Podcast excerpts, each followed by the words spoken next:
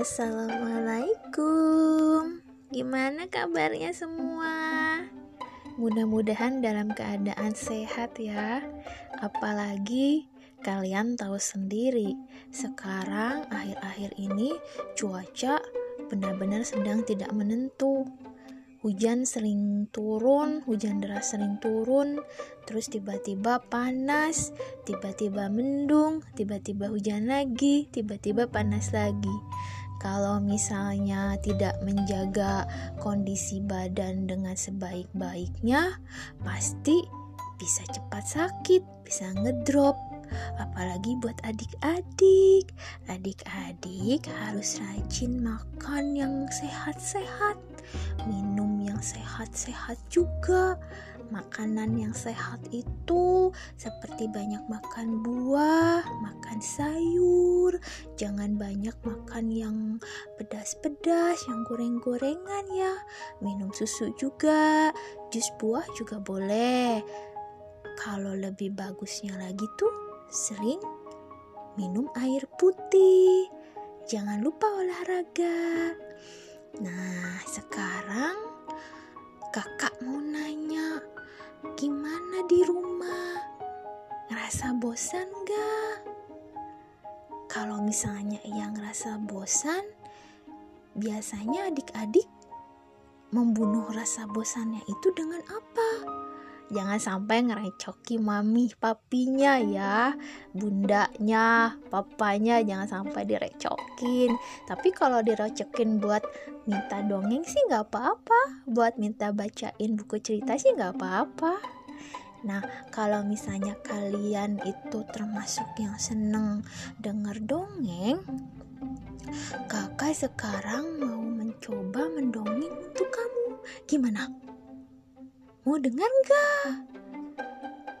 Judulnya Si Merak yang Sombong tentang cerita fabel. Fabel tahu kan? Jenis dongeng yang semua di dalamnya itu binatang. Nasi merak ini kalian tahu kan burung merak? Burung merak itu burungnya nggak kayak burung biasa yang suka hinggap di pohon ya. Badannya besar, tegap, indah, dan bulu-bulunya tuh sangat indah apalagi bulu ekornya. Kalau sudah berkembang indahnya luar biasa. Nah sekarang kakak mau bercerita ya cerita Fabel. Kalian duduk yang baik terus dengarkan ya. Ayo Bismillahirrahmanirrahim Si merak yang sombong di hutan dekat sebuah desa, hiduplah seekor merak yang sombong. Para binatang penghuni hutan itu sebenarnya hidup rukun. Hanya saja mereka tidak menyukai sikap merak yang sombong. Merak jadi dijauhi oleh teman-temannya yang tinggal di hutan. Mereka bosan melihat tingkah laku merak yang selalu memuji diri sendiri.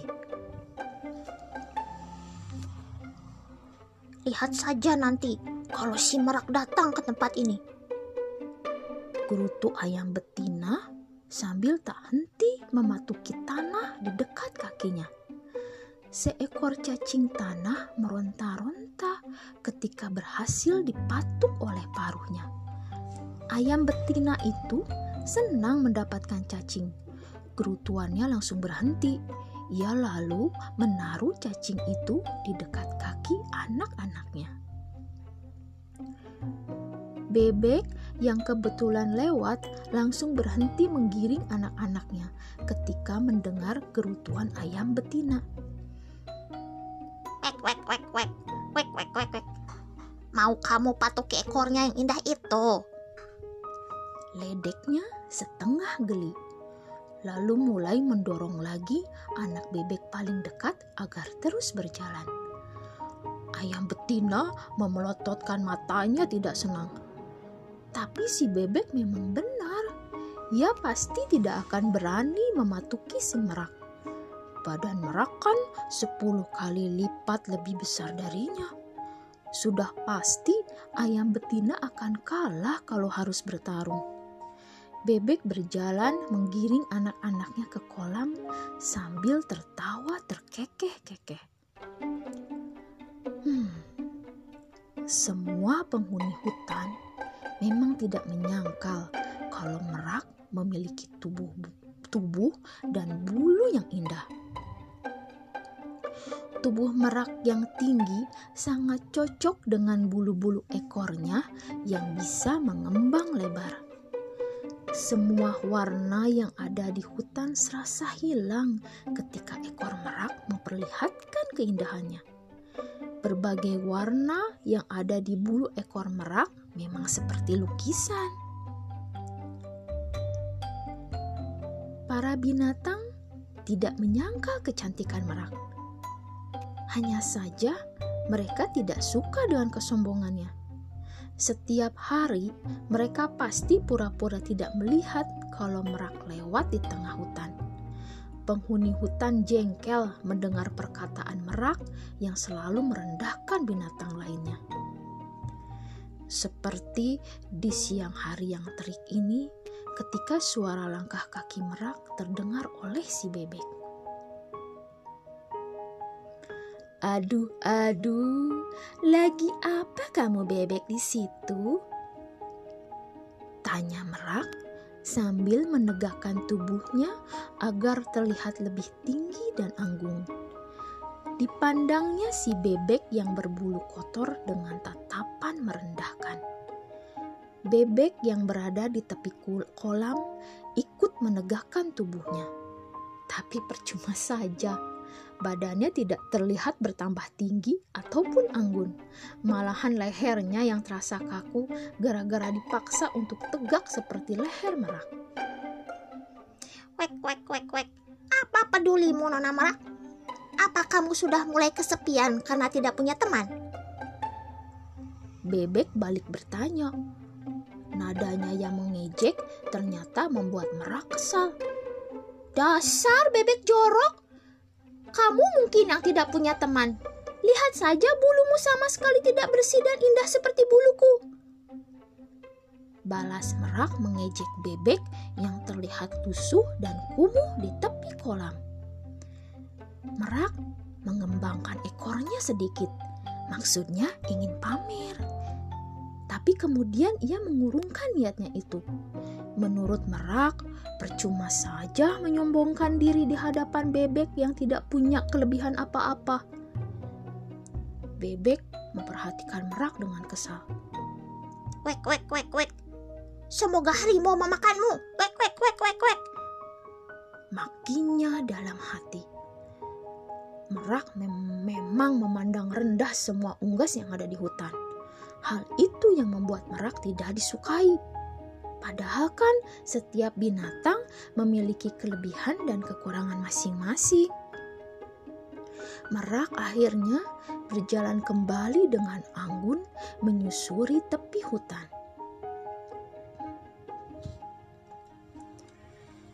Sungguh mengherankan karena hutan terasa begitu sepi siang ini. Merak hanya berpapasan dengan beberapa ekor ayam hutan saja selama berjalan. Ayam-ayam itu berjalan dengan cepat. Mereka hampir tidak memperhatikan merak yang sengaja berdiri di tengah jalan untuk menghalangi. Merak sedikit kesal karena tidak dipedulikan. Ah, biar saja. Aku cari bangau saja untuk dihina. Badannya pasti sangat kotor sekarang karena sedang mencari ikan. Merak tertawa geli, membayangkan bangau yang akan merasa malu ketika melihat keindahan bulu di ekornya. Sekarang memang jam makan siang, dan bangau pasti ada di sungai sedang mencari ikan. Hutan benar-benar terasa lenggang ketika merak berjalan menuju sungai para penghuni hutan yang tubuhnya lebih kecil memang memilih untuk cepat-cepat istirahat di rumahnya. Mereka menghindari berpapasan dengan binatang besar yang sedang lapar pada saat jam makan siang. Saat itu, Bango memang sedang sibuk mencari ikan. Ia tidak risau dengan binatang yang bertubuh lebih besar darinya lagi pula, Bango berada di tengah sungai. Siapa yang akan begitu nekat menyeberangi sungai untuk menerkamnya? Satu-satunya yang dianggap ancaman oleh Bangau adalah kata-kata si merak. Bangau tidak suka dengan kesombongan burung berbulu indah itu. Merak memang sering sengaja datang ke sungai hanya untuk memamerkan bulu ekornya. Merak datang ketika Bangau sedang asik menangkapi ikan. Bangau langsung pura-pura tidak melihat ketika merak berlenggak-lenggok di tepi sungai. Tubuh merak yang tegap dan indah sempat membuat hati Bangau ciut. Tubuh Bangau memang tinggi, tapi sangat kurus. Selain itu, paruh Bangau sangat panjang, padahal ia ingin sekali memiliki paruh seperti merak.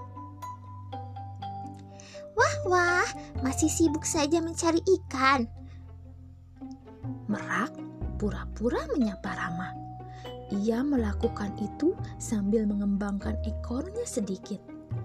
Cahaya matahari yang menimpa tubuh merak membuat bulunya terlihat semakin indah dan berkilau. Sejenak, Bangu terpukau dengan keindahan motif warna yang dimiliki bulu merak.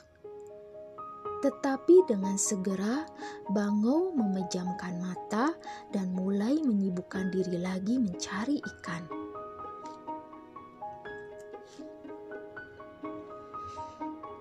Apalagi yang bisa kulakukan selain menangkapi ikan? Sergah Bangau tak suka. Ia paham betul kalau Merak hanya ingin membuatnya malu. Merak tertawa terkekeh-kekeh. Pantas saja tubuhmu kurus seperti itu, Bangau. Bekerja terus mencari ikan sampai bulumu kusam tak terawat. Merak berkata seperti itu sambil berputar perlahan, memperlihatkan tubuhnya yang tegap dan montok. Lihat, bulu-buluku terawat baik. Warnanya sempurna, bukan? Bangau jengkel sekali mendengar perkataan merak. Ia langsung mengangkat paruhnya dari dalam air untuk memaki semerak, si merak. Tetapi tiba-tiba Bangau mengurungkan niatnya itu.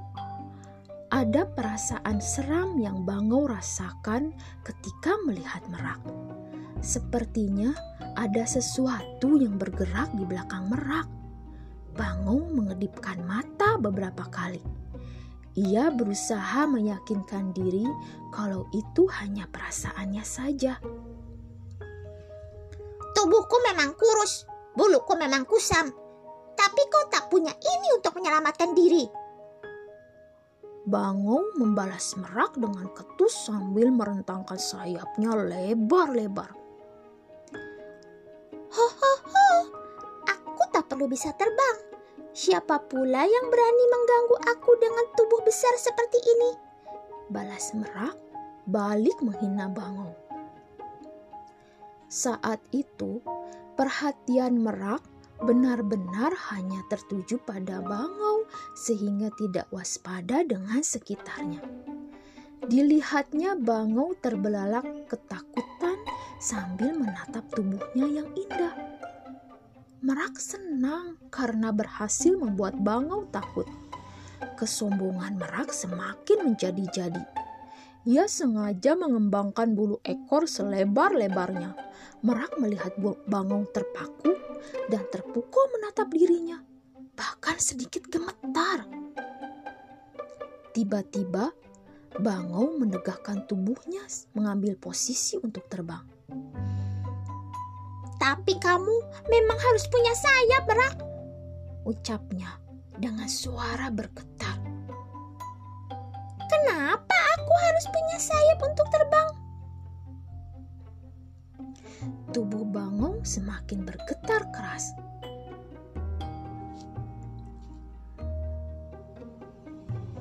Kau teriaknya. Harus punya untuk menyelamatkan dirimu dari kesombongan. Bangau kemudian mengepakkan sayapnya sekuat tenaga lalu terbang secepat mungkin. Belum juga Merak sempat membalas perkataan Bangau, sesuatu yang besar dan berat terasa menindihnya dari belakang. Merak merasakan gigi-gigi tajam menancap di lehernya. Ternyata seekor harimau besar yang tengah lapar telah menerkam Merak. Tubuh Merak yang besar ternyata kalah besar dari tubuh harimau. Merak terjerembab ke tanah dengan harimau di atas tubuhnya. Bango melihat kejadian yang menimpa Merak dari atas dengan perasaan takut. Dari tadi, ia berusaha memberitahu Merak tentang bayangan harimau yang dilihatnya. Tetapi Merak hilang kewaspadaannya dan malah sibuk menyombongkan diri. Bangau tidak dapat menunggu lebih lama lagi karena tahu jiwanya juga sedang terancam. Harimau besar itu terlihat sangat lapar dan buas. Bangau yakin harimau itu bisa menerkamnya dengan sekali lompatan saja, walaupun berada di tengah sungai sekalipun. Nasib Merak memang sial. Ia lupa kalau waktu di siang hari itu harimau selalu berkeliaran di hutan. Itu sebabnya hutan tadi terasa lenggang. Para penghuni hutan yang lainnya takut berpapasan dengan harimau. Sekarang merak pasrah dan hilang sudah segala kesombongannya. Harimau lebih besar tubuhnya dan sangat kuat, dan ia tidak bisa terbang untuk melarikan diri. Merak tidak bisa melepaskan diri dan hanya bisa pasrah akan nasibnya.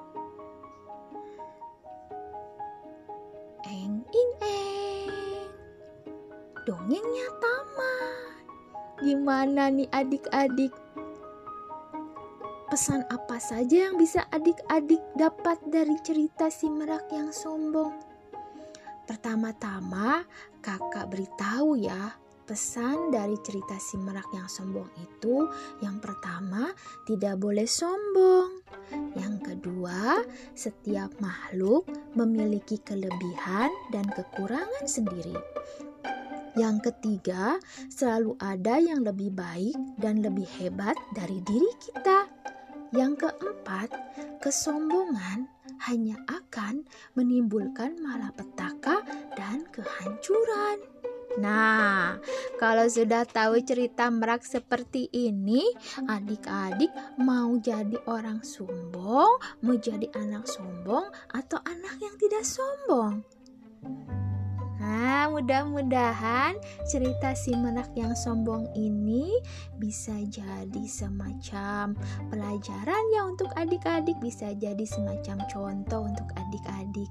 Nah, selamat mendengarkan, mendengarkan dan mendengarkan lagi. Semoga adik-adik senang dengan ceritanya. Nah, semoga bunda-bunda juga senang. Semoga yang lain yang mendengarkan cerita ini senang. Terima kasih sudah mendengarkan. Sampai jumpa lagi di cerita berikutnya. Assalamualaikum warahmatullahi wabarakatuh.